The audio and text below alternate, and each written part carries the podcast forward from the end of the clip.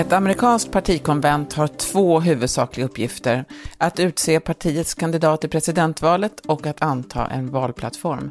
Den sittande presidenten Donald Trump möter inget motstånd i sitt parti inför en möjlig andra mandatperiod.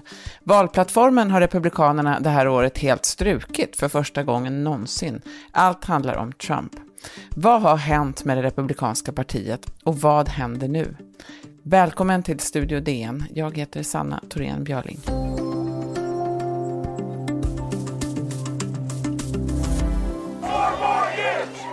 President Trump gets things done. With his leadership, we did what Barack Obama and Joe Biden refused to do. My father will continue to fight for you. He's what is best for our country. America can truly be great again. It starts by re-electing Donald J. Trump, President of the United States.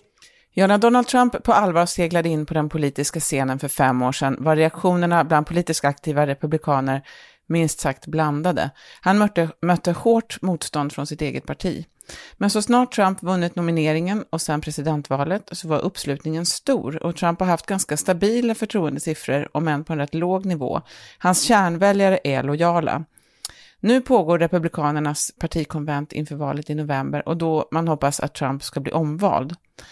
Medan ett antal framträdande republikaner och konservativa inom till exempel nationell säkerhet och militären har tagit avstånd från Trump så är uppslutningen på konventet fullständig. Men hur ser framtiden ut för det här partiet? Om det ska vi prata med Martin Gelin, DNs korrespondent i New York. Hej Martin! Hallå! Du har ju under många år följt den amerikanska högen och skrivit en utomordentligt bra bok om den också. Om vi börjar i konventet här, det som händer just nu, lite kort, hur skulle du beskriva den föreställning vi ser? Liksom, vilket budskap är det Republikanerna vill förmedla? Huvudbudskapet är väl att eh, enas bakom Donald Trump. Typ, eh, nästan hälften av, av, av huvudtalarna är Trumps egen familj och han talar själv, eller uppträder i någon form alla fyra dagarna under, under konventet. Ehm, eh, och det är många, många i, i, partiet själva som har beskrivit det som, som en liksom, personkultsliknande tillställning. Um, så det, det handlar om att dyrka Donald Trump. Den största kontrasten om du jämför med Demokraternas konvent som ägde rum förra veckan, hur skulle du beskriva den? Um, ja, det är ganska många kontraster. Dels, dels är, eh, handlade Demokraternas konvent om att presentera en, en liksom sakpolitisk agenda om, om, om Joe Biden och Kamala Harris eh, vinner valet. Vad vill de egentligen göra? Hur ska de vända USA från, från, från krisen som landet går igenom just nu? Um, Republikanernas konvent har varit väldigt eh, lite fokus på sakpolitik. De har, som du sa, inte för första gången sedan partiet grundades eh, för 150-170 år sedan nästan, eh, inte eh, presenterat en, en, gemensam politisk plattform.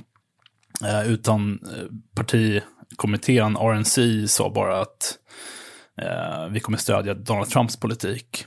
Så det är ju väldigt ovanligt i amerikansk politik att, att, man, att, man, att ett helt parti liksom ställer sig bakom presidenten på det sättet. Eh, så, så det har varit ganska ont om, om, om liksom konkret sakpolitik, men däremot har varit mycket signalpolitik, mycket kulturkrig och, och, och mycket skrämselpropaganda mot, mot Biden och, och, och Demokraterna och det som de kallar radikalvänstern. Journalisten och författaren Tim Alberta, som har skrivit både artiklar och böcker om Republikanerna, han eh, och många andra med honom säger att det här är ju ett, ett fattigdomstecken att man inte har några eh, egna politiska idéer eller förslag. Han skrev nyligen i Politico eh, en lång artikel om det här, om vad som har blivit kvar av partiet och pratade om eh, den här texten i NPR. The Republican Party is the very definition of a cult of personality, that, that it is not an entity built around ideas. It is not an entity built around, um, you know, philosophical principles. um, there is no great organizing principle of the party. The organizing principle of the party is fidelity to Trump. Ja, partiet är helt Trump, så det handlar, allt handlar om att behålla makten, är han inne på lite här. Eh, är det så, Martin? Ja, det är det väl. Frågan är väl hur bekymrade republikaner Eh, bör vara över det. Tim Alberta eh, är ju själv väldigt bekymrad och, och artikeln han, han har skrivit i Politico handlar ju, pratar ju mest med, med liksom en viss klass av liksom Washington-republikaner som har varit väldigt kritiska mot Trump. Eh, men, men Trump har ju samtidigt lyckats expandera partiets väljarstöd bland, bland framförallt lågutbildade vita män. Um, vilket förklarade liksom att, att, att han vann förra valet i, i delstater där Demokraterna har, har dominerat i, i många decennier. Så, så det är inte nödvändigtvis så att liksom den här linjen som, som, som de flesta som Alberta pratar med förespråkar, att man skulle överge kulturkriget och överge den här liksom främlingsfientliga populismen som, som som Trump eh, eh, är så känd för, eh, att det skulle vara någon slags recept för politiska framgångar. Det skulle vara, det skulle vara ett moraliskt framsteg för partiet, men, men det skulle inte nödvändigtvis hjälpa dem att vinna val. Ehm, så, så, där, så där är det, det finns, en, det finns en orsak till att de enas bakom Trump, och det är att han i, i det nuvarande liksom, politiska läget fortfarande är, är det bästa chans de har att vinna de pratar ju, de här som han pratar med, det är ju liksom, man pratar om eh, liksom det parti som Lincoln en gång stod för med slaverimotstånd och att man ville hålla ihop unionen och även en mer modern eh, republikansk liksom, politik med marknadsekonomi och frihandel och liten statlig styrning, att man hade idéer, även om,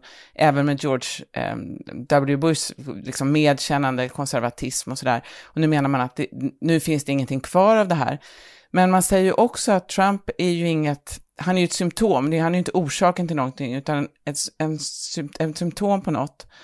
Och du har ju bevakat eh, republikaner också, det som har hänt under de senaste åren, att man har gått så långt högerut. Om du skulle beskriva den jordmån liksom, som gjorde det lätt för Trump att slå rot här, eh, hur skulle du göra det? Ja, eh, det, är, en bra fråga. Nej, men, dels handlar det ju om att han tog tillvara på, på en frustration mot Barack Obama som fanns bland framförallt vita amerikaner. Um, en känsla av att USA var på väg att förändras eh, på ett liksom kulturellt och symboliskt plan. Att, att liksom den, den vita maktordningen helt enkelt hotades på ett väldigt konkret sätt av, av att man hade en svart president. Men det handlade även om att efter finanskrisen så var, så var eh, liksom the recovery, återkomsten eh, väldigt ojämn i USA. Det var framförallt storstäder som eh, gynnades av, av tillväxten under åren efter 2008. Medan landsbygden halkade efter, som, som, som ju du också har, har gjort många reportage om. Ehm, och där, där var Demokraterna lite passiva, de hade inte riktigt ett tydligt budskap till landsbygden. Vad, vad, kan vi göra för er? Hur kan, hur kan ni få en chans att, att liksom hitta en stabil medelklasstillvaro och en trygghet? Så därför var det istället många som, som sökte sig till, till liksom Trumps populism, som skyll, skyllde alla problem på, på invandring och på, på liksom kinesiska företag och på yttre hot. Vi ska strax prata mer om det republikanska partiet.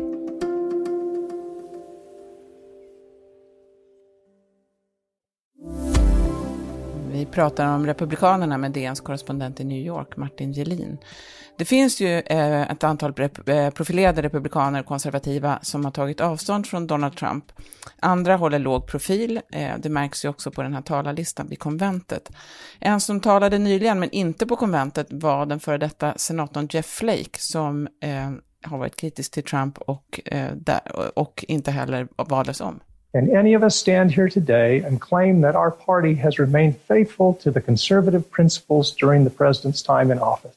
No, we cannot. If we are honest, there is less of a conservative case to be made for reelecting the president than there is just a blatant appeal for more rank tribalism and further division. Ja, Jeff Flake är ju ett exempel på de som eh, tycker att Donald Trump, från konservativt håll alltså, eh, är, eh, inte borde vara president. Men hur allvarligt är det här för, för Donald Trumps läger, Martin? Spelar det någon roll för honom?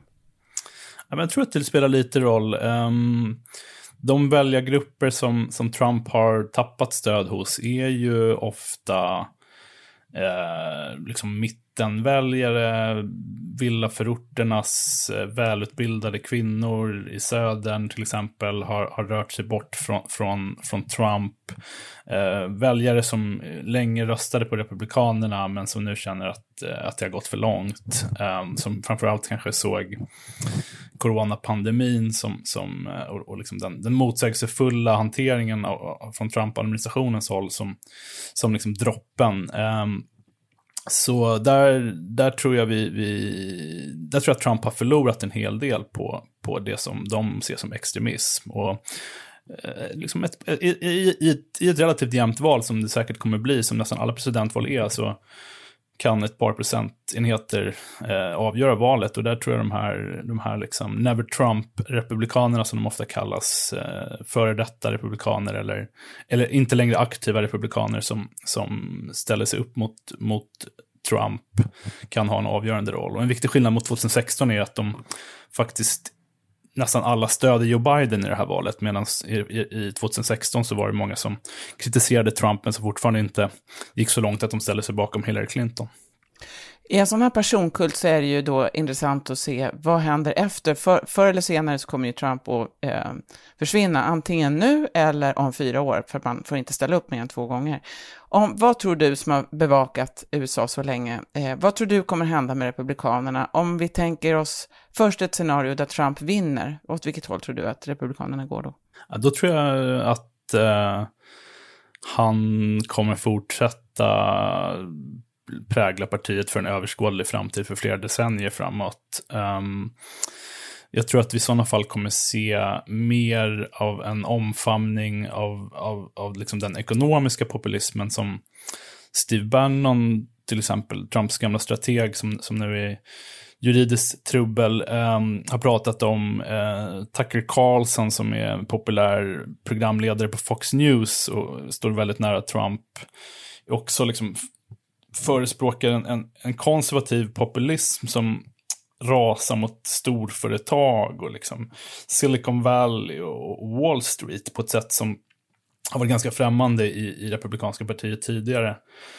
Um, kombinerat med, med en liksom främlingsfientlig retorik. Den, den, den, linjen tror jag nog kommer blomstra om, om, om Trump vinner valet. Den kommer, de, såna, den typen av republikaner kommer nog vinna många val till kongressen till exempel. Jag vet att jag har pratat med folk som säger att om Trump förlorar, så om man förlorar liksom med en låg marginal, då kan det bli liksom en intern strid i det republikanska partiet om valresultatet kanske, eller om vilken väg partiet ska gå. Men om det blir en stor valförlust, att det är först då som man kanske kan se någon slags självrannsakan och så. Eh, vad tror du händer om, om Trump förlorar? Ja, jag, jag, tror, jag tror att det är det enda, det enda som kan få Republikanerna att börja förändras i grunden. Och jag tror ändå man ska minnas hur snabbt amerikansk politik kan förändras också. Um, det var inte så länge sedan som, som Uh, Marco Rubio ställde upp i, i primärvalet 2016 uh, eh, för Republikanerna med, uh, han omfamnade Black Lives Matter, han omfamnade ett mycket mer tolerant budskap. Sedan dess har han, har han blivit en, en liksom knähund för, för Donald Trump, men, men jag tror att folk har ganska kort minne i USA. Jag tror att liksom personer som Rubio kan skulle i, i ett val 2024 till exempel kunna dyka upp igen med ett helt annat, ett helt annat budskap än, än vad Trump har haft och försöka expandera partiet bland liksom, latinamerikaner och ha en mycket mer eh, moderat linje än, än, än, eh, än liksom Trump-populisterna. Eh, är det därför en person som Marco Rubio tror är tyst nu? Jag tror det. Det var, det var någon som sa i, i, i, i det var flera som sa i Tim Albertas artikel att um, eh, om de skulle hålla tal på konventet eller utanför, där de liksom tydligt tog avstånd mot Trump, så skulle de stöta bort alla Trumps väljare som fortfarande är nio av tio republikaner. Så att um, de skulle för evigt liksom svärtas som, som Trump-hatare och får väldigt, väldigt svårt att vinna ett republikanskt primärval. Så jag tror att, även om det kan verka cyniskt i, i ett val som handlar om liksom existentiell kris för, för USA, att inte säga någonting, så tror jag ändå att Rubio och även, även Mitt Romney och flera andra som, som står lite närmare mitten eh, ser det som en politisk kalkyl för framtiden att ligga lågt och att därmed potentiellt kunna ta över partiet en vacker dag. Tusen tack Martin, vi lär få återkomma i detta ämne. Imorgon ska vi prata om böcker i Studio DN, höstens boktrender och vad som egentligen tog åt kritikerna när de tokhyllade Lydia Sandgrens debutroman Samlade verk. För ljudillustrationerna idag stod AP och NPR. Studio DN görs av producent Sabina Marmelakai, exekutiv producent Augustin Erba, ljudtekniker Patrik Miesenberger och teknik Oliver Bergman, Bauer Media. Jag heter Sanna Thorén Björling. Vi hörs.